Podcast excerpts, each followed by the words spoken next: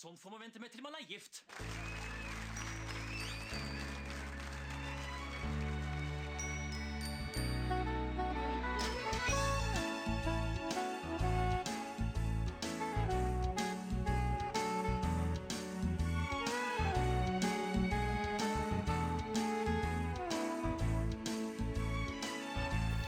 Hei, velkommen til en ny episode av Norsk film filmpodkast. Podkasten hvor vi ser norsk film med et kritisk, men kjærlig blikk.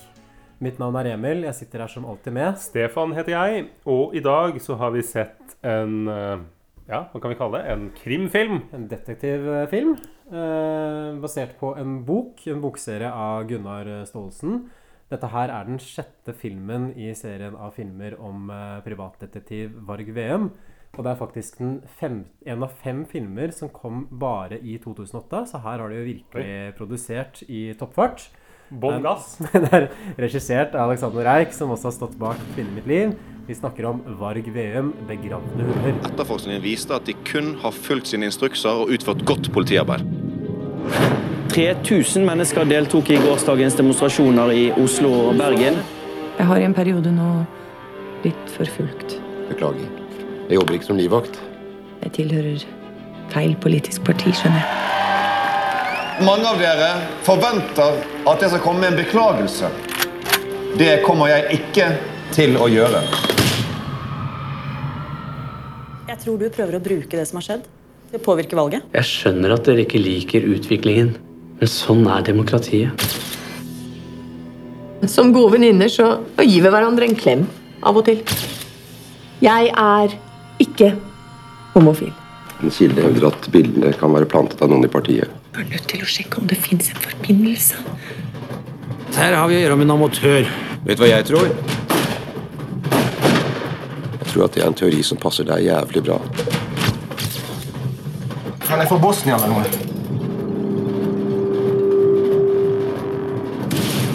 Jeg vil at du skal være veldig forsiktig i dagene som kommer.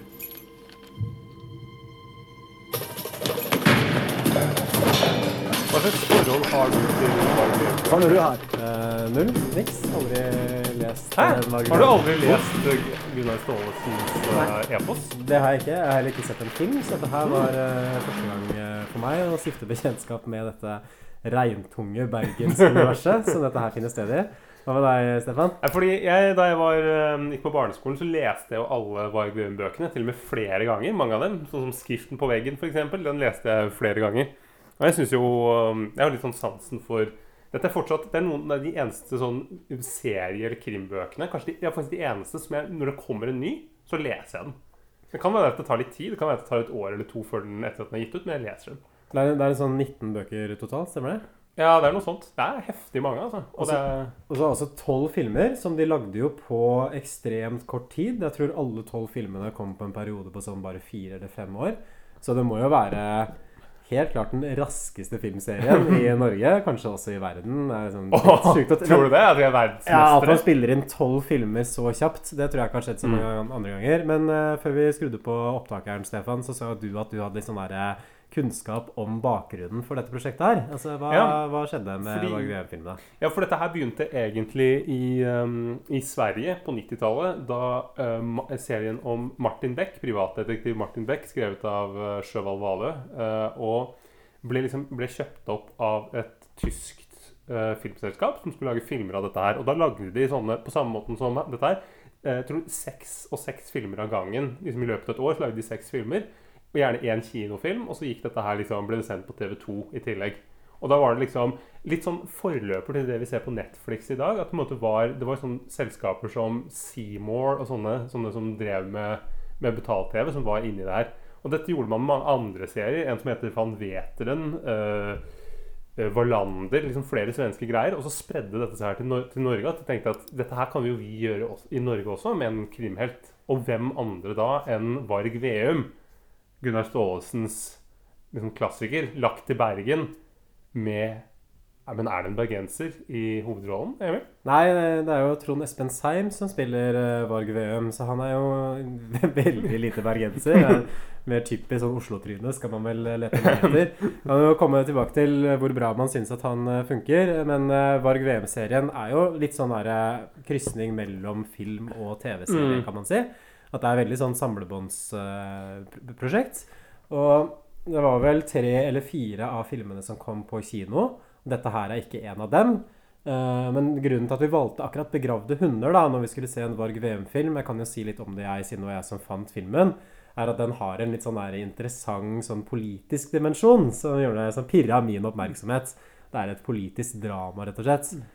Og jeg må bare si til alle, til ungdommen som sitter nå rundt podkastapparatet og tenker at åh, eh, min favorittforfatter Gunnar Staalesen endelig diskuterer de en bok av han, så kan jeg si det at denne her, den filmen er faktisk den er bare veldig løst basert på boka. Boka er, handler, er liksom, det er fortsatt en politisk thriller, men det er en helt annet plott. Så de har nesten skrevet et nytt plott til filmen her, sikkert for å gjøre den mer samfunnsaktuell. Ja, for det, det må de nesten ha gjort. For jeg vet ikke når den filmen her kom, eller når boka kom, mener jeg, som filmen er basert på. Men da, filmen 'Begravde hunder' starter i hvert fall på byen i Bergen.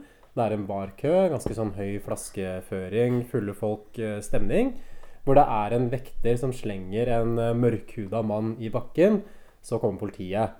Og mannen som vi finner ut heter Adu, dør av politimenn som ender opp med å kvele ham, vel. Mm. Og politimannen blir eh, frikjent, da, som gjorde dette her. Det blir litt sånn George Floyd-greier. Det blir sånn der oppløp i gatene med plakater og folk som står og liksom vil at politiet skal, eh, skal få sin straff. Men det er én Ja, som men, taler la, la, la, la oss være, for Dette er også en sånn referanse til Obiora-saken, tenker jeg. Han som ble kvalt av han Vollen, Volden, uh, passende navn, uh, politimannen i Trondheim. For det var jo på starten av 2000-tallet. Oh, ja. husker jeg var en sånn stor greie Så jeg tror nok filmen er sånn direkte inspirert av den hendelsen der, egentlig. Og det er sånn de sier at det blir sånn opptøyer. Det kommer vel fram at det er 20 stykker som har blitt skadd i disse opptøyene, og 100 som har blitt arrestert. Oi, i, eh, Varg VM begravde Oi. hunder. Ja, så ordentlig sånn big deal.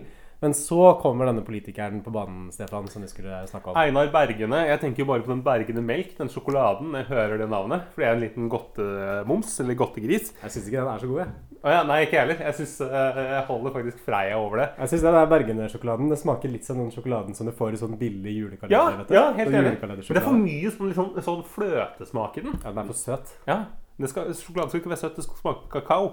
Uansett så sier Einar Bergene det. Han, han er politiker for et parti som heter Norsk, Det Norske Folkeparti. Han sier at dette her, det var godt politiarbeid. Henlagt saken mot de tre politimennene i den såkalte Adu-saken. Den 18 år gamle Mikael Adu døde etter en pågripelse i Bergen i august i fjor, der politiet benyttet et omstridt halsgrep. Formannskandidat for Det norske folkeparti Einar Bergene mener vedtaket er en seier for rettssikkerheten. Denne saken har vært en enorm belastning for de tre involverte politimennene. De har vært utsatt for forhåndsdømming, drapsanklager, og etterforskningen viste at de kun har fulgt sine instrukser og utført godt politiarbeid. En 18 år gammel gutt døde. Går det an å kalle det godt politiarbeid? Vi må nå innse at politiet møter en ny virkelighet hvor de stadig treffer voldelige tilfeller som Adu. Henleggelsen av Adu-saken og Einar Bergenes uttalelser i etterkant har skapt sterke reaksjoner. Til sammen 3000 mennesker deltok i gårsdagens demonstrasjoner i Oslo og Bergen. Og i Bergen utviklet demonstrasjonen seg til voldelige opptøyer utover kvelden. Og det antas at et hundretalls demonstranter ble anholdt i løpet av natten. Marit Haug, er du enig i at det er et godt politiarbeid? Nei, jeg er ikke enig i det. Einar Bergene representerer ikke holdningene til vårt parti. Tror du nå at du vil vinne partiledervalget? Hadde ikke det vært fint, da? Og vi skjønner jo ganske raskt at han, Norsk Folkeparti, det er jo ikke et parti på venstresiden, men på høyresiden. Litt sånn Frp, kanskje? Ja, det er litt mer sånn radikal versjon av Fremskrittspartiet, kan man si. da liksom mer, Enda mer fremmedfiendtlig enn Mm. Fremskrittspartiet kan være. Og sånn krysning mellom Frp og Dansk Folkeparti, kanskje. Ja. Så det er kanskje liksom der av navnet også. Og Einar Bergene er jo spilt av en av våre favoritter, Åh, nemlig ja. Kyrre Haugen Sydnes. Og det er jo det, vi har jo hele gullrekka her med eh, liksom, Hvis vi hadde hatt en, eh, liksom en sjokoladeblanding, eh, Nidar Bergenes favoritter, så hadde jo en hel gjeng, en liten bukett, en samling fra den filmen her vært med. Da hadde, denne, denne blandingen hadde bestått av Robert Skjærstad og eh, Det er jo en til Ja, og Bjørn Floberg, som er med her. Og selvfølgelig Kyrre Haugen Sydnes. Det er jo, måte, det er en, eh, det er jo en stor del av våre favoritter. De er samlet i filmen. Filmen er skreddersydd for oss. Robert Skjærstad han spiller liksom en sånn der eh, valgkampstrateg, er vel rollen hans Mm. i dette Norsk Folkeparti. Så ganske sånn der ekkel type, egentlig. Mm. Og så er det en tredje person i dette Norske Folkepartiet som er den man blir mest kjent med i løpet av filmen. Hun heter Marit Haug. Og handlingen her da settes liksom i gang med at Marit Haug oppsøker kontoret til Varg Veum. Hun mistenker at hun blir eh, forfulgt og vil gjerne ha privatdetektivens hjelp. Så det er sånn, veldig sånn typisk sånn detektivhistorieoppspark. Mm. At du har liksom en blond kvinne som oppsøker en sånn rufsete detektiv på et sånn grå røykfylt eh, kontor.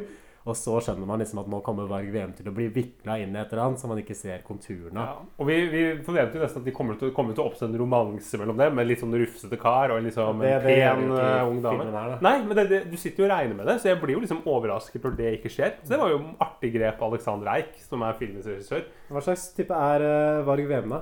Eh, I bøkene så er han en sånn loslitt type som drikker litt for mye akevitt. Og liksom bor i liksom har et slitent kontor, sliten bil, som liksom alltid er sliten med å starte. Og liksom får det akkurat til å gå rundt. Men her så er han jo en litt kulere kar. liksom Mer sånn kjekkas. Kontor i litt sånn bygning i sånn 1920-talls eller sånn eller funkisstil. Liksom kult eh, lokale. Svært kontor midt i byen. Kjører en sånn svær Land Rover, liksom den nyeste modellen. Så den er liksom en helt annen type da enn den, uh, generi- liksom den ordentlige Varg Veum. Ja, han har litt sånn der, men han bevarer jo litt av den der rufsete framtoningen. Så han er også drikkfeldig, for man ser at han tar et shot sånn ganske tidlig i filmen. Det er sånn morsomt detalj, jeg vet ikke om du la merke til det, men Gunnar Staalesen står jo i Ja! baren. Ja, for det tenker jeg- En liten cameo. På, eh, den tenkte jeg at det var jeg var alene om å se. Men Nei, jeg, eh, også så, jeg så den. du er skarp. Ja. Og, og han har liksom fett hår, uh, ubarbert, går mye svart. Veldig sånn typisk sånn 2008-kul. Uh, også spilt av Trond Espen Seim. Um, kan du si det med en gang? Jeg syns egentlig Trond Espen Seim er litt sånn pregløs som skuespiller. Er helt enig. Han er liksom Jeg veit ikke, ass. Uh, jeg føler ikke at han har helt den der tyngden og karismaen som trengs for å bære en sånn rolle som Varg Veum. Jeg skjønner kanskje ikke at han var så kjent i en periode som det han var i norsk film. Det var en sånn periode hvor han var liksom en av våre sentrale filmstjerner. Men han, jeg vet ikke, sånn, jeg tenker at den rollen hadde vært sterkere hvis det var noen andre som hadde spilt han. F.eks. Jørgen Langhelle, som jeg tenkte på. Han, jo jo ikke, liksom- han, han slikker jo ikke engang opp på anklene til Jørgen Langhelle. Han, han ligger jo bare og liksom vaker i sivet der, liksom, sammenlignet med Langhelle. Og... Langhelle er jo den personen som Trond Espen Seim forsøker å spille. Ja, men som han ikke får til. Hvorfor? Ja, for det, Langhelle hadde jo gjort en mye bedre jobb. Man var kanskje for gammel, da. Nei, så var det veldig også at Trond Espen Seim var veldig kjent da, akkurat den perioden der. Dette var jo rett etter eh, Han var i Oslo. Eh, han spilte vel også i den der eh, 'Svarte penger, hvite løgner', eller hva den het. Ja. Med Andal Torp, som var en sånn NRK-serie som var ganske populær. Ligger ute på NRK Åpent arkiv nå for de unge som er interessert i å se den. Men i hvert fall tilbake til handlingen. Så Marit Haug vil altså da få hjelp fra Varg VM. Uh, Varg VM er åpenbart ikke noe sånn spesielt interessert i det. Er ikke så veldig sympatisk innstilt til uh, Norsk Folkeparti, kommer det fram. Så han avviser saken hennes.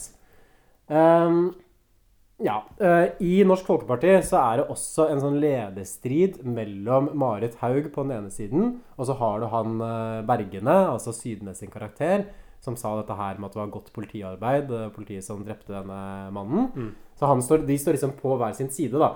Ikke sant? Så man kan si at liksom Marit Haug representerer på en måte Siv Jensen, og så er kanskje Bergene er Terje Søviknes. Og Robert Skjærstad da som strategen Det jo kanskje sånn Christian Tyvring Gjedde eller noe Oi, dette her var, eh, det var eh, avanserte politiske Det, det, analyser. det, som- det som står på spill da, for partiet, er at partiet har liksom alltid vært et litt sånn der utskjelt opposisjonsparti. Mm. Nå har de sjansen på å gå inn i regjering. Nå- Høres kjent ut fra norsk politikk. Dette var jo akkurat den perioden hvor Fremskrittspartiet også forsøkte å bli et sånt regjeringsparti. Og så strides liksom partiet litt. sånn Skal de bevare den litt sånn derre populistiske, halvbrune, fremmedfiendtlige stilen? Eller skal de prøve å bli, bli mer anstendige og nærme seg sentrum, i hvert fall i retorikk? Og det er jo, hvis, eh, hvis disse andre er, er eh, Siv Jensen og eh, Terje Søviknes, så er jo eh, Kai Remlov han som spiller Carl I. Hagen, som da er den tidligere lederen, eller liksom dagens leder, som skal gå av. Og da blir jo en av disse nestlederne valgt. Ja, Han har leda partiet i 30 år. Ja, han har vært der eller- lenge. Kai Remlov. Mm. Og øh, det er en scene her også tidlig hvor, øh, som blir også veldig viktig i filmens handling, hvor Einar Bergene skal ut og tale til folket og på en måte klarne opp i den der kontroversen da, som har vært rundt at han kom med den der godt politiarbeid-kommentaren sin. Han snakker liksom om innvandrere og mennesker med andre verdier enn det norske. Nekter å beklage seg. Det han beklager seg over, er at det norske samfunnet blir mer eh, utrygt. Så det er veldig sånn typisk sånn fremmedfiendtlig retorikk. Mm. Varg Veum står i publikum, bare rister på huet. 'Dette her gidder jeg ikke å høre på', sier han. Stikker. Men det står noen oppå taket som har Einar Vergede bokstavelig talt i sikte. Ja. Det er en sniper. På kornet. Det jeg beklager, er situasjonen som har oppstått etter Adu-saken. Og jeg beklager at antisosiale ungdommer og grupper fra innvandrerbefolkningen velger å bruke vold istedenfor sin demokratiske rett til å si hva de mener. Jeg beklager at det er flere våpen på gatene. Jeg beklager at det er flere mennesker som velger å bruke dem. Mennesker med psykiske problemer. Mennesker med andre grenser og verdier enn oss. Men dette er politiets nye virkelighet.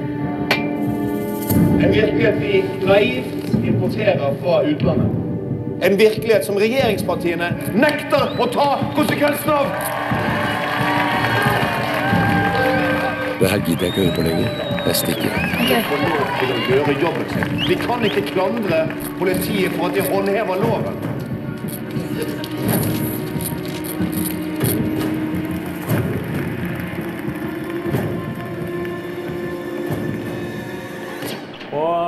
Nå tenker jo alle at selvfølgelig så kommer jo han her til å skyte Einar Bergene. Men nei, det gjør han ikke. Fordi akkurat når sniperen skal fyre av skuddet, så går kona til Einar Bergene forbi ham, Mm. og hun blir skutt. Det er hun som tar kula Ja, istedenfor. hun, tar, og- hun tar smellen, så å si, støtet for hans eh, litt sånn klønete sitat, eh, eller utsagn. Dør på flekken. Ja. Eller, ja, nei, det er jo, ligger vel liksom litt eh, Det er vel en lang greie med at du ligger på sykehus, og så dør du til slutt. Men, Ja, ok, ja, men ja. vi, som, vi, som, vi som er rutinerte filmserier, vi skjønner jo at du kommer til å dø. Jeg synes det var litt sånn rart her er Ja. at Hvem er det som løper rett opp på scenen for å liksom sjekke at det går bra med henne? Det er Varg Veum. Og politiet lar ham Varg liksom Veum bare ja, Varg Veum bare s- Plutselig så står han liksom oppe på scenen der og holder hun liksom i armene Det som- sine. Og politiet bare lar ham holde på. Og jeg synes det er merkelig, for Varg Veum er ikke noen politimann, han. Han er bare sånn privatdetektiv. Så jeg Mm. synes det, det er sånn gjennomgående i filmen at det er veldig rart at han får den friheten av politiet til å holde på den måten Og han. Dukker stadig opp på sånne steder hvor det ikke er naturlig at han er. Plutselig bare er han liksom inne på et hotell. Og det er liksom, det er veldig det er snodig, det der. Mm. Men han har en egen evne til det. Det som, eh, det som også er fascinerende, er jo at Varg Veum har selskap av en journalist som kommer med sånne liksom, politiske analyser av dette her. Spilt av Samsaya. Ja, og Samsaya sier jo det at eh, hun tror jo at aldri at Einar Bergene kommer til å, Hun tror at han kommer til å gå, bekla, gå og beklage denne uttalelsen om det der, eh, godt politiarbeid. Det er jo ikke en rutinert journalist, det her. Det er er noe ganske naiv, så Varg Ja. VM har jo bedre politiske analyser enn det. Tenk det. Han er jo bare sånn Æh, gi faen i det her. Jeg orker ikke å høre på sånn vås. Dra til eh, landsmøtet til SV isteden. Men hun Samsaya er i hvert fall en sånn der rolle gjennom filmen som blir en slags sånn sparringspartner Mm. for eh, Varg Veum. Og på en måte både bistår ham i etterforskningen og så kommer litt sånn i veien for den sånn her og der. Så det er en slags sånn birolle som hjelper liksom å drive plottet videre med at han har noen å snakke med. Og sånn sett så syns jeg den karakteren fungerte greit. Mm. Men det er jo en annen karakter her som vi må introdusere. Din favoritt, eh, tror jeg, Emil? Min favoritt. Inn med Bjørn Floberg i rollen som politimannen Hamre. Og Floberg spiller jo en veldig sånn klassisk Bjørn Floberg-rolle her. Han er sånn kjølig, mumlete type. Ja, For det er helt umulig å høre hva han sier. Ja. Må ha en tekst for å høre det. Eller for å skjønne det. Hva er det du driver med nå, Svein? Hva er det du driver med nå? Jem? Ok, og holde deg ut av dette her. Hold deg unna dette her nå. Altså, men, Vil du ha kaffe, Jim? Ja, han har likevel en sånn der intensitet ved seg, så man skjønner liksom at han når som helst kan eksplodere. eksplodere. Og um, Varg Veum tar liksom opp det med Bjørn Floberg, at Marit Haug hadde vært innom kontoret hans for å spørre om hjelp, og så rett etter så skjer dette attentatet. Men Bjørn Floberg mener bare at hun dikter og liksom roper ulv og bare forsøker å få oppmerksomhet, egentlig. Hva har du opplevd for noe da? Marit Haug oppsøkte meg på kontoret i dag. Hun sa at hun hadde følt seg forfulgt siste tida. Hva sa du da? Jeg sa at hvis hun hadde det konkret, så burde hun oppsøke politiet. Det står i avhøret, da. Hun ga en vag beskrivelse av en mannsperson. Jeg tror at hun så samme mannsperson blant publikum under folkemøtet i dag. Vi skal snakke med henne, men nå må vi konsentrere oss om Bergene. Det var jo tross alt han som skulle bli skutt. Ja, Dama følte seg så trua at hun oppsøker hjelp. Og så, tre timer etterpå, så står hun to meter unna ei kule. Kaffe? Tasha? Du kan ikke se bort fra at det kan være en sammenheng. Nei, nei, absolutt ikke. Men eh, vi skal heller ikke se bort fra at Marit Haug har veldig lav terskel for å be om hjelp. Om innbrudd, f.eks. Innbrudd, for eksempel. Ta den, du. Det var ingen som så at noen hadde brutt seg inn der, og det var ingenting som var borte. Dikter hun? Oslo-politiet har i hvert fall sagt at de bruker veldig mye ressurser på alle de rare anmeldelsene fra den dama. Faen skulle ljuge om noe sånt? Politiker med livvakt, det er status over det. Men det viser seg at Marit Haug har grunn til å være redd, for det dukker opp en maskert fyr rett utafor hotellrommet hennes og jager henne rundt i en parkeringskjeller. og sånn. Og gjett hvem som dukker opp fra ingensteds på det hotellet. Det er jo selveste Varg Veum som plutselig redder henne og kjører, og kjører henne ut i den store Range Roveren sin ut fra hotellet. Så resten av filmen er basically at man har liksom to hovedlinjer i plottet, føler jeg. Det ene er liksom Varg VM som går rundt og snuser og etterforsker og forsøker å finne ut hvem som sto bak dette attentatet. Og det andre er denne maktkampen inter internt da, i Norsk Mm. Folkeparti. Og Um, en Ja, sorry, hva skal vi si? Nei, du, du, var, du var godt i gang. Du må bare, bare fortsette, Emil. Men en, vi blir jo introdusert for en karakter til som har en litt sånn skurkete utstråling. Det er det jeg skulle. Ja, så bra. Det er jo eh, Trond Rogn, spilt av eh, Eller Ragn, jeg får aldri helt med. Trond Emil Rogn, ja. Trond Emil Rogn, spilt av Halvard Holmen, kjent fra ja, hva er det, han er kjent fra Himmelblå? Som Himmelblå blå Roy? I den liksom, NRK-suksessserien Himmelblå. Det er greit for meg. Ja, i alle fall. eh, han er jo en sånn skummel type som bor på en Han vet ikke hva han driver Han driver med sånn Jobber med gra- gravsteiner. Han Produserer gravsteiner. Han importerer dem fra Russland, som jeg synes er veldig rart sted å importere gravsteiner fra. Det må bli jævla dyr frakt. Det er Ja. i deg gravsteinene. Vil heller importere dem fra Kina. Nei, eller man kan vel bare få noe stein og liksom produsere det i Norge. Men kanskje det er lavere lønninger da i Russland som gjør at det lønner seg.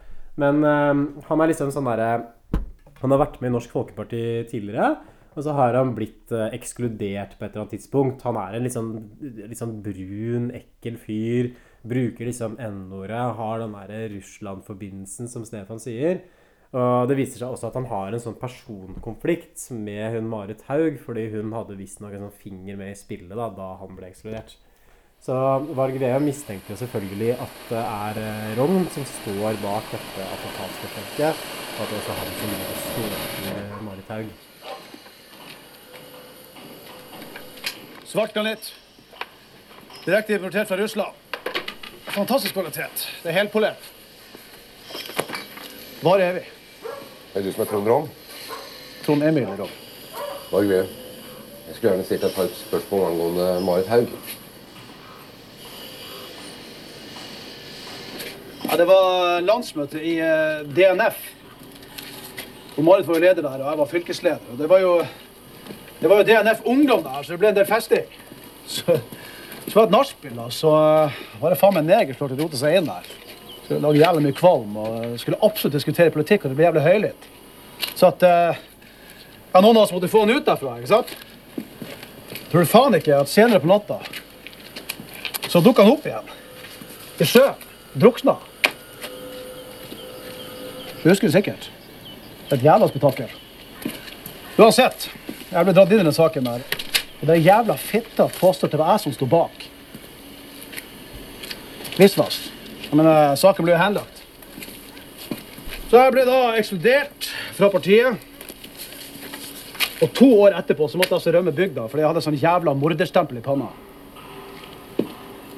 Skjønner du meg? Var det da du begynte å terrorisere henne? Ja, Terror er kanskje litt drøyt uttrykk. Vi helst ikke plaging. Jeg innrømmer det. Jeg plaga skikkelig heftig. Jeg var bitter på den tida der. Så du jeg til Russland. Fikk et nytt liv. Det plager deg ikke at Marit Haug kanskje kan bli DNS neste formann? da? Kanskje landets fremtidige statsminister? Når har du kommet tilbake fra Russland, da? Halvt år siden. Ja, da går det bra. Det var mye stein.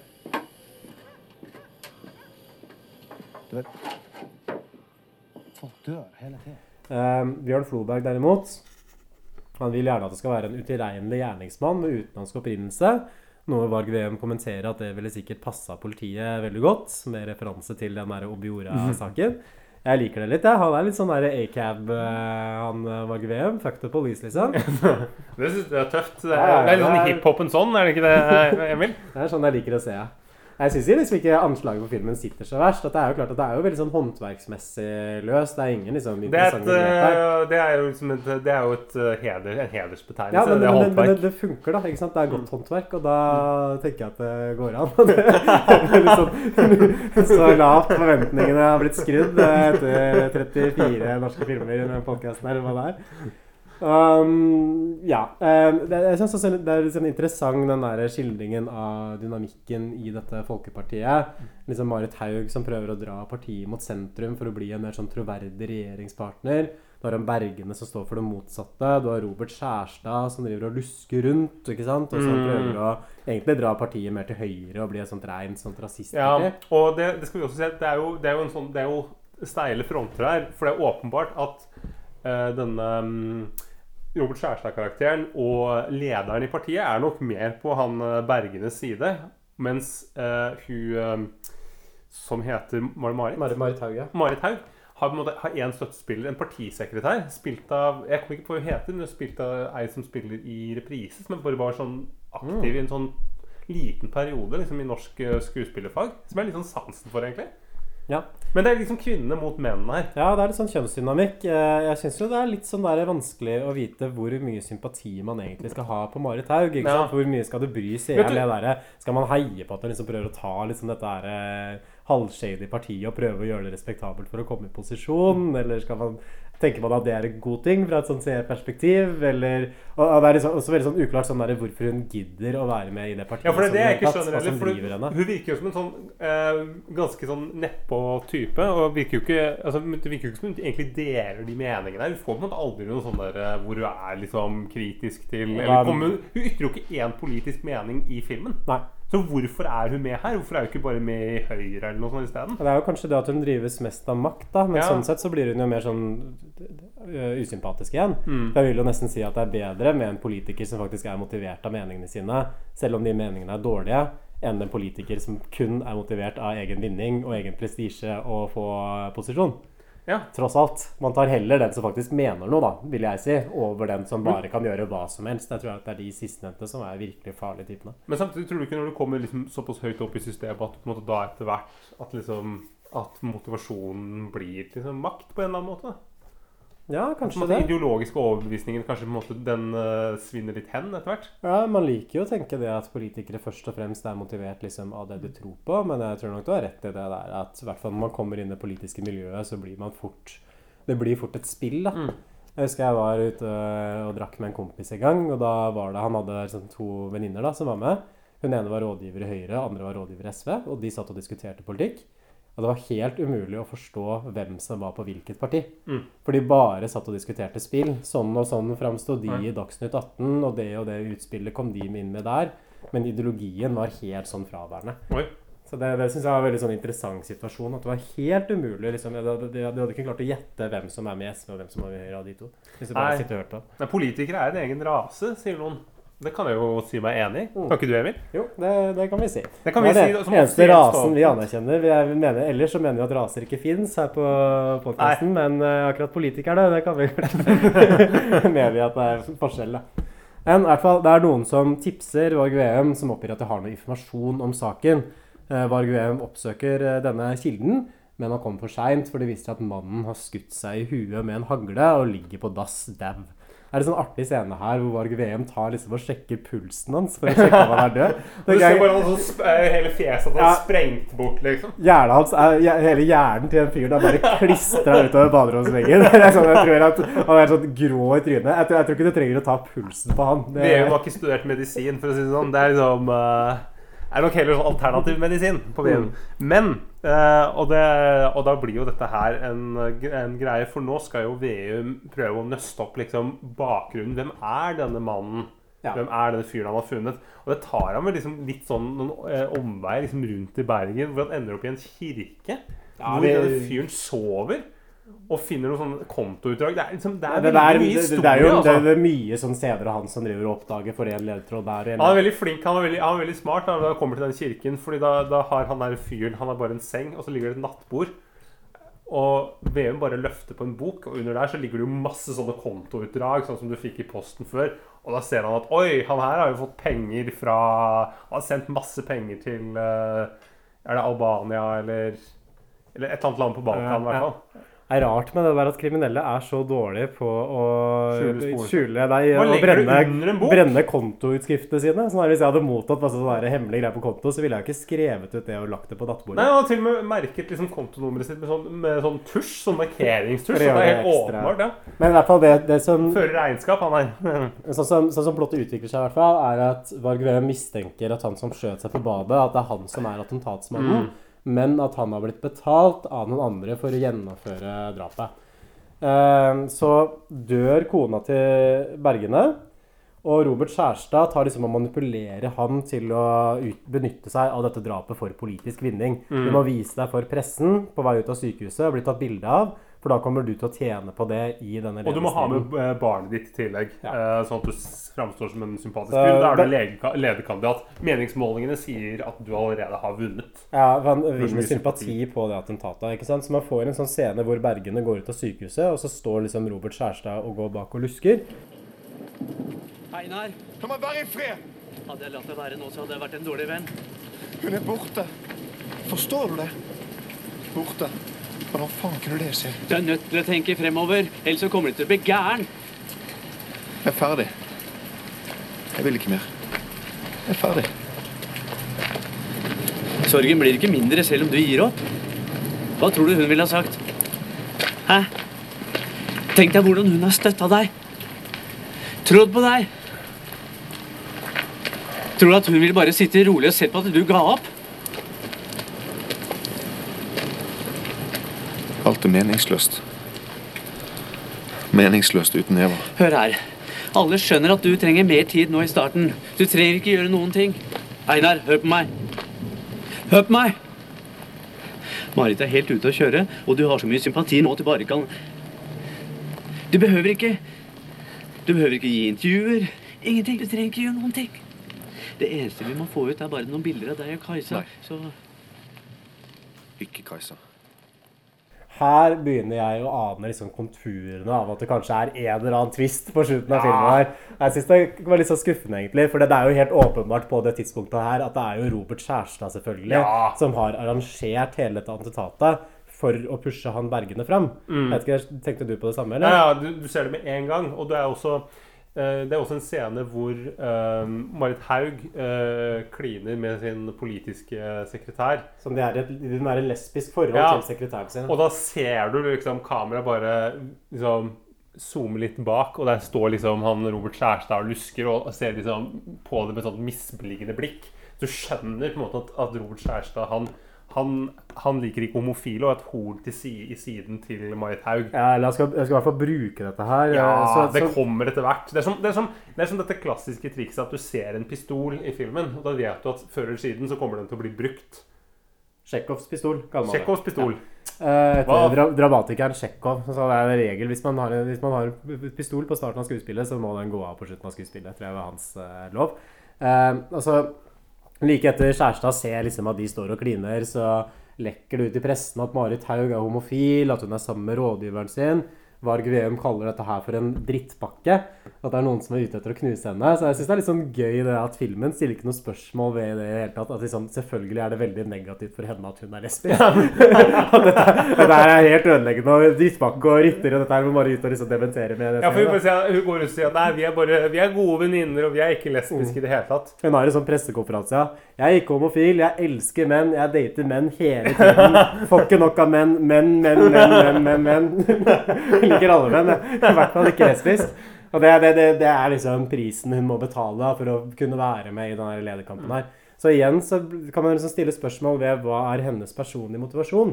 Mm. Ikke nok med at hun ikke virker sånn spesielt enig i partiets politiske linje, men hun også liksom fornekter sin egen identitet, og fornekter Mm. også denne kjærlighetsrelasjonen som betyr mye for henne. Så er, jeg vet ikke liksom, men jeg syns det er et sånt problem med filmen, egentlig. For jeg syns også det gjør den karakteren som litt mer interessant enn det den kanskje ellers ville vært. Mm. For hun er på en måte ikke en hun er ikke en rein, hun er ikke et rent offer her, hun Marit Haug. Hun er på en måte litt sånn medskyldig i det. Og det er mer interessant det enn hvis hun bare hadde vært et offer liksom, for Robert Kjærstad og partilederen og deres uh, komplott. da. Ja, for jeg liker, jeg liker liksom måten karakteren er skrevet på. At du får ikke du får hverken, Det er litt vanskelig å vite om du på en måte, er, er på hennes side eller ikke. Mm. Problemet, Svakheten er kanskje at uh, skuespilleren ikke spiller så veldig bra.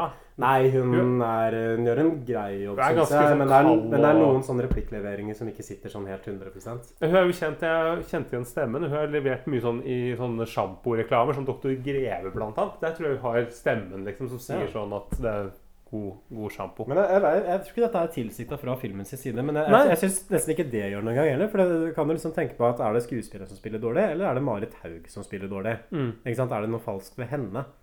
Ja, sånn at, at karakteren spiller dårlig, ikke skuespilleren. Ja, ja, ja men enig. Mm. Jeg, jeg er jo helt overbevist om at det er skuespillerne som leverer dårlig. Det tror jeg nok. Men jeg, jeg føler nesten i den filmen her så er det, det er veldig få ganger dette skjer. Men det er nesten sånn at det at skuespilleren er litt svak, det virker nesten til filmens fordel. Mm. Hvis du skjønner hva jeg mener. For det gjør den karakteren litt mer sånn utgrunnelig. Ja, og da blir handlinga også litt mer interessant. Og så er jo faktisk en, en fordel her er jo at du har jo faktisk et stjernelag av skuespillere. Hvis vi ser bort ifra Seim, så har du Bjørn Floberg, du har Kyrre Haugen Sydnes, Robert Skjærstad Kan jeg si at Kyrre Haugen Sydnes er en stjerneskuespiller? Det er bare, det er bare god jobb, Han gjør en god rolle, men det er ikke er ikke et stjernelag med Sydnes. Kanskje, måtte, kanskje blitt, liksom, blitt for glad i Sydnes? Nei, det er bare vi som har fått hjernen vår fullstendig ødelagt av å se så mye norsk film på så kort tid. Sydnes det er har overalt. Han er overalt. Jeg tror vel, det er vel kanskje sånn der sjette eller sjuende filmen vi ser som har Sydnes i seg. Det er Mongoland, da 'Kvinner mitt liv' spiller han jo. Og det er ikke tilsikta i det hele tatt. Det er bare, Og det liksom, er bare dukker opp her. Men jeg syns kanskje vi burde, vi burde jo invitere Kyrre Haugen Sydnes til en prat. Så her, Kyrre, hvis du hører på, så bare ta kontakt. Vi må, vi må komme oss tilbake til eh, filmen her. Fordi mm, det neste sånn store som skjer at eh, Varg-VM holder på. Disse trådene begynner å nøste seg sammen. Han finner ut at han Rogn har et eller annet med dette attentatet å gjøre. Det er noe greier med at eh, han eh, drapsmannen har tatt en sånn fake identitet og sånn og sånn. Som han kanskje ikke trenger å gå inn i detalj på. Og så finner Marit Haug en tale av Bergene som nevner attentatet, men som er skrevet før attentatet skjedde. Oi. Og dette her viste jo det at attentatet var planlagt, og at Einar Bergene, i hvert fall tror vi, visste om dette på forhånd. Men Haug bestemmer seg for ikke gå ut med det at attentatet var planlagt. Fordi hun mener at dette kan ødelegge for skjebnen til partiet. Veldig omtenksomt. sånn- omtenksomt, Ja, hun, er, hun er bra lojal, altså. Skikkelig, skikkelig lagspiller. Eh, Flaks de i Norsk Folkeparti som er med såpass lojal type på laget sitt. Hun må jo bli leder, tenker jeg da, når hun er så lojal. Og det mener jo også den tidligere lederen i eh, partiet, når hun viser ham den uh, mailutskriften. Og han sier vel det at uh, nå er eh, Han tar, kaller inn eh, Bergene på et kontoret sitt og sier at du, du må trekke deg nå. Mm. Uten å egentlig gi noen grunn. Ja, så Bergene må, må trekke seg fra kandidaturet fordi lederen er for redd for at disse attentatene skal komme ut. Så det er jo en veldig dårlig deal for han. da, Miste kona si, og så er det liksom ikke til noen til ingen nytte. gir ham ingenting. Det er også en sånn scene her hvor eh, Varg Veum er hjemme hos kona til Anne Rogn. Hun er vel russer, tror jeg. Mhm. Og det liksom kommer frem at han driver og banker henne opp, er liksom generelt bare sånn kjip fyr. Og Men hun- det, det ja. jeg la merke til her, var at det er veldig sånn merkelig bruk av nærbilder. Jeg vet ikke om du la merke til det? At det, det er sånn scene der for at de sitter liksom og drikker te, og så tar Varg Veum og heller liksom te oppi koppen hennes. Og da sveiper kameraet ned og liksom fokuserer på tekanna mens han heller i den teen. Oh, ja. Og det er jo sånn filmspråk for at man liksom skal tenke at følg med på den koppen her. Ikke sant? Dette her Nå er kommer den koppen til å gå i veggen. Ja, eller, eller, Eller er, eller, det er noe, eller det er noe gift eller et eller annet sånn oppi koppen. ikke sant? Så bare Mm. merk deg ved den. Men det skjer jo ingenting ved den koppen seinere. Så det er jo en sånn der, helt sånn merkelig detalj. Det er en sånn scene tidligere i filmen også mellom Varg Veum og Bjørn Floberg, hvor Varg Veum gir Bjørn Floberg noe sånn derre tørkle som han har sånn blod på hendene og tørka seg på et sånt Ja, tørkle. som... Og så gir han det tørkleet til Bjørn Floberg. Og da er det så sånn nærbilde på det tørkleet. Da tenkte jeg ok, dette her kommer sikkert Bjørn- heter ja, det. eh, Bjørn Floberg til å bruke som et eller annet bevis eller et eller annet sånt. Fordi at kameraet liksom fokuserer så insisterende på disse detaljene. Men eh, jeg vet ikke om det er litt bare sånn dårlig filmspråk eller man ikke har sånn kontroll over formen. Jeg synes det var sånn merkelig. Men det er, men det er, det er sånne ting du ser Det er liksom, Du ser innimellom sånne, sånne spor av at dette har gått veldig fort. At produksjonen har gått raskt. Og det er litt sånne ting som det der som ikke helt Som ikke helt er liksom Er liksom i mening, sånn helt logisk. Det er liksom ikke gjennomtenkt, da. Nei, det er ikke det. Men det som i alle fall skjer nå, er jo at uh, når jeg er hjemme hos, uh, hjemme hos kona her, så kommer jo han eh, typen hjem, han Trond Rogn, og begynner å banke Veum. Og eh, Trond Rogn løper av gårde og kjører av gårde i Mercedes stasjonsvognen sin. Og gjett hvem som kommer etter ham i den store Land Roveren sin. Ja, det blir, det blir en sånn biljakt mellom Åh, det er kult, da! med. Nei, jeg syns det var ganske kjedelig biljakt. At kunne filmen har spart seg litt for. Det er jo bare at de kjører etter hverandre bortover en sånn vei ut på Men det som er det mest fascinerende, er jo på en måte at Trond Rogns bil Det er jo en sånn der gammel Merce fra 80-tallet. Og eh, det ender jo med at eh, Range Rover Det er 1-0 til Range Rover, fordi eh, den her eh, lille Mercedesen den blir bare slengt rundt og på en måte ruller rundt sånn ti ganger og havner ut på et jorde. Mm. Men gjett hvem som liksom bare klatrer ut av bilvraket liksom, og, kom, og bare vaser av gårde. Det er jo Trond Rogn. Han uh, overlever jo det i den bilen der Så Varg- uten airbags. Varg har liksom skjønt det at det er Rogn som på en måte er mannen som har arrangert dette attentatet. Mm. Han har hyrt inn en sånn snikskytter. Og det er også en sånn greie her at attentatet skulle egentlig ikke fungere. Det var meningen at de skulle bomme, at det skulle liksom være et sånt forsøk på et attentat som skulle få sympati. Ja. Men så skjedde liksom det som ikke skulle skje, at de traff altså kona til Bergene istedenfor. Og så det eneste Varg Veum lurer på nå, er liksom har du vært med, Var det noen som var med deg på dette her, eller Mm. handla du aleine? Du har tilgang til en ekstrem skarpskytter som kan garantere at han skyter nær nok til at det virker ekte, og samtidig har full kontroll. Det er en genial plan! Kan ikke bevise en jævla dritt. Nei, jeg kan ikke bevise en jævla dritt, men politiet kan det. Men du, du er en sånn jævla amatør at du har lagt inn en hel godtepose til teknikerne. Det var litt av en kamp å få drept han fyren, ikke sant? Var ikke det? De kommer til å ta deg for attentatforsøk og to drap. Spørsmålet mitt til deg er Var du aleine om det? Var det din plan? Var det Bergene? Han stilte opp for deg, han stilte opp for deg når du trengte en alibi, men er han en så god venn at du vil ville ofre alt? Er han det? Jeg kommer ikke til å si et jævla dritt. Og Varg VM har jo hele tiden trodd at det er Bergene som er vedkommende som har planlagt dette attentatet, og går også og konfronterer ham med det.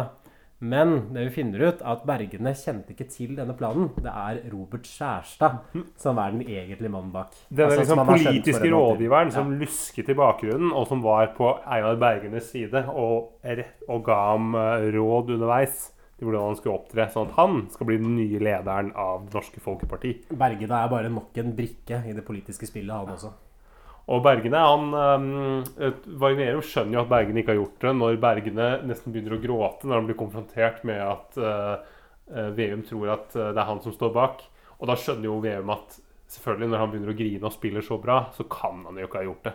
Nei, Det er på en måte Bergene som er liksom det egentlige offeret her. kan Ja, man si. Han ender jo opp med å miste kona si og får jo også politisk karrieren sin ødelagt pga. dette her. Mm. Og han har jo ikke hatt noe med denne planen her å gjøre. Nei, eh, altså, Det er en eller annen eh, merkelig grunn, selv om jeg ikke deler hans politiske Og det gjør jo ikke vi i norsk film, filmpodkast heller.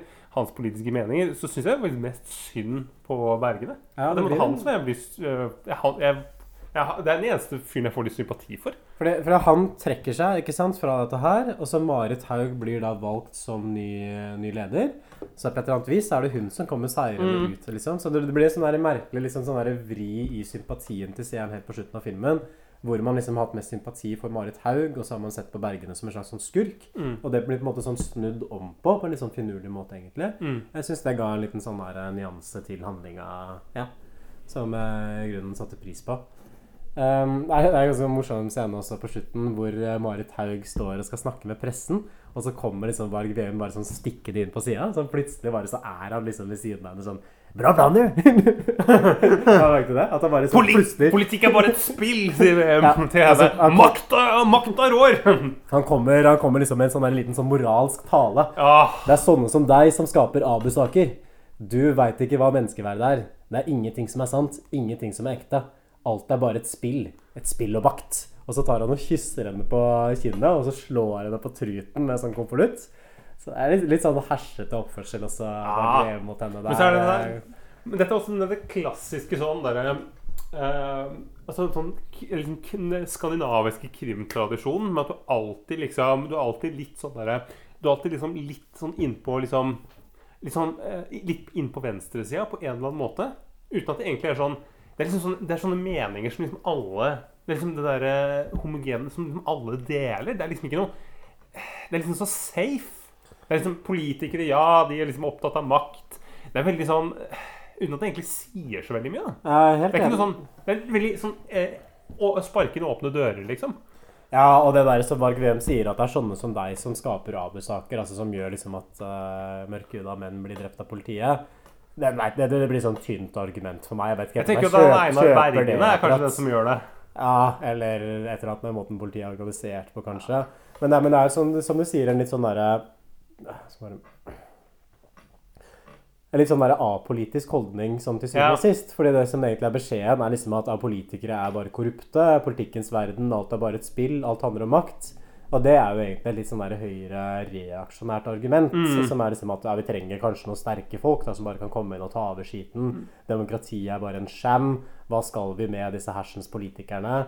Så det er, det er i hvert fall ikke noe sånn politisk progressivt syn, egentlig. Nei, men så blir- Selv om filmen på en måte Det filmen liksom kritiserer sånn spesifikt, er jo sånn der Fremskrittsparti-parti, men Mm. det kunne jo på en måte vært en sånn Arbeiderparti-variant også. Sånn at det er et, at det er, liksom, er et norsk folkeparti med den politiske profilen de har, spiller liksom ikke så stor rolle, egentlig. Nei, og, du, og, det, kun, og det, er jo, det, er jo part, det er jo på en måte partier liksom, som, er, som er lenger til uh, Som er mindre liksom, lenger til venstre, som kunne ha liksom, funnet på å si tilsvarende ting. Mm. Eller på en måte ikke, men som kunne på en måte, har i hvert fall tilsvarende holdninger. Eller på en måte også få ut noen Abu-saker til å skje.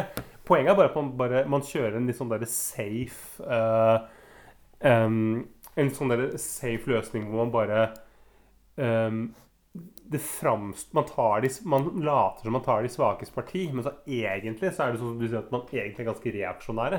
Ja, og filmen kjenner nok sitt publikum, tror jeg. At det er et veldig lett mål selvfølgelig å ta tak i et sånn derre dansk folkeparti-typ, og så så Mm. liksom handlingen om vil at disse her skal gå enda mer liksom, mot innvandringskritikk. Nei, vi vil jo ikke det. Det vil jo antakeligvis ikke seerne. Det hadde vært sånn interessant å se filmen med noen som mener at man kanskje burde ha et mer sånn innvandringsfiendtlig Frp, og se hva de syns om det. De hadde jo sikkert, Hvem hadde de støttet? da? Robert Skjærstad? Robert Skjærstad, ja, ja. Han lille sniken som lurer i bakgrunnen. Jeg er enig i saken, ikke virkemidlene, Mhm. kanskje. At det er ikke riktig å arrangere som attentater for å få gjennomført politikken. Politikken, den støtter vi. Men, eh, men hvert fall, det, det som skjer helt på slutten av filmen, er at Varg Veum har fått tak i denne konvolutten med eh, Som viser at den talen om, eh, som nevner attentatet, ble skrevet før attentatet skjedde. Mm. Og han lekker dette her selvfølgelig til Samsaya, så saken kommer ut i pressa. Og så slutter eh, filmen med at partileder og Robert Kjærstad blir sikta av politiet. Og så Marit Haug ble også implisert. Så vi får en sånn freeze frame hvor Marit Haug får liksom blitsen i trynet og ser veldig sånn forskrekka ut. Så her ser man at det lønner seg ikke å holde på med sånne intriger når Varg Veum er i nærheten. Han er i Bergen òg, en ærlig politiker. Kan ikke komme med noen uh, tull. Har du lagt merke til det at alle i Bergen, eh, alle i Bergen er østlendinger? Ja, det lurte jeg på også, fordi det, det, filmen framstiller liksom som at det partiet har hovedkontoren sin i Bergen, og alt liksom politisk skjer der. Så det virker nesten som at Bergen er på en måte Oslo i det, hvorfor kunne de ikke bare Hvorfor kunne de ikke bare spilt inn liksom hele greia i Oslo isteden? For det er jo bare østlendinger her uansett. De eneste skuespillerne som er eh, bergensere, er jo liksom en eller annen sånn slenger som ja, jobber som resepsjonist her eller Er ikke kafé der. Sydnes fra Bergen, da? Jo, Sydnes, men det er jo den eneste, da. Ja, han er den eneste, ja. Hvorfor kunne de ikke liksom ha de kunne jo, de, kan- Det fins jo noen der. Hva med, hva med for eksempel eh, De har jo um, Nå er jeg spent. Stavanger har skuespillere, Bergen har ikke skuespillere. jo, De har jo han eh, Helge Jordal. Han kunne vært med. Ja, han er litt gammel, kanskje. Ja, de kunne hatt um, Bjørn Villberg Andersen kunne vært med. Ingen vet hvem det er, er men nok eh, opp til Trond Espen Seim og Robert Kjærstad og Bjørn Floberg, altså. Du mener det? Stjerne, stjernelaget som du selv satt og snakka om tidligere. Det er jo stjernelag, men hvorfor, vi må jo, jo, liksom, må jo finne noen lokaler. Det er vel noen? Jeg likte, jeg følte filmen liksom speila den der bergensarrogansen. For alle som bor i Bergen, mener jo sånn egentlig at det er Norges hovedstad. Så det er liksom, filmen er et sånn fantasiunivers hvor det faktisk stemmer. da liksom, Toppolitikken og det viktigste som skjer i det politiske landskapet, landsmøtet til et av norske største partier, det skjer selvfølgelig i Bergen. Ja, for det er der du har landsmøtene, Ja, ikke i. Oslo. Ikke i Oslo, nei. nei.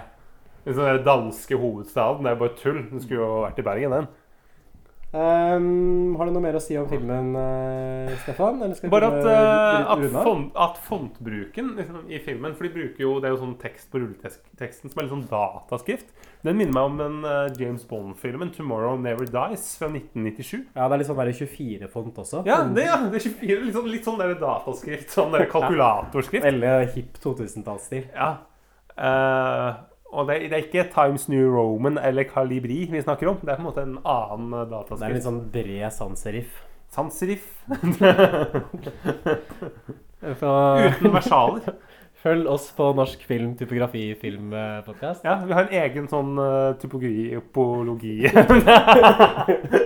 podkast Den gjør det skarpt om dagen. Kutt, kutt. Ok, men skal vi gi, gi dommen? Uh, ja. Jeg, jeg, jeg vil høre din dom først, Emil. Altså, jeg må si jeg ble egentlig litt sånn positivt overraska over eh, den filmen her. Ja. At uh, Kanskje fordi jeg hadde litt sånn lave forventninger i utgangspunktet. Jeg syns jo den politiske intrigen som filmen handler om, er litt sånn iboende interessant. Mm. Jeg syns det er gøy den der skildringen av dette partimiljøet. Jeg liker som sagt også det at den er litt sånn derre liksom moralsk kompleks. Og litt sånn mørk og kynisk nesten i innstillingen sin til både politiet og til staten. Det kan jeg sette pris på.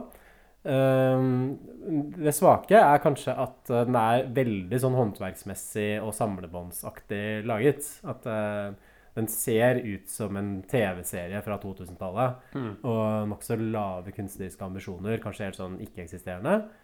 Men ja, hvis vi sier en firer, da. Oi, det synes jeg var eh, det Du er en sjenerøs fyr, Emil. Eh, jeg må også bare legge til en ting at det er, mye, det er veldig mye som er veldig usannsynlig i den filmen. At det er litt sånn drømmeunivers.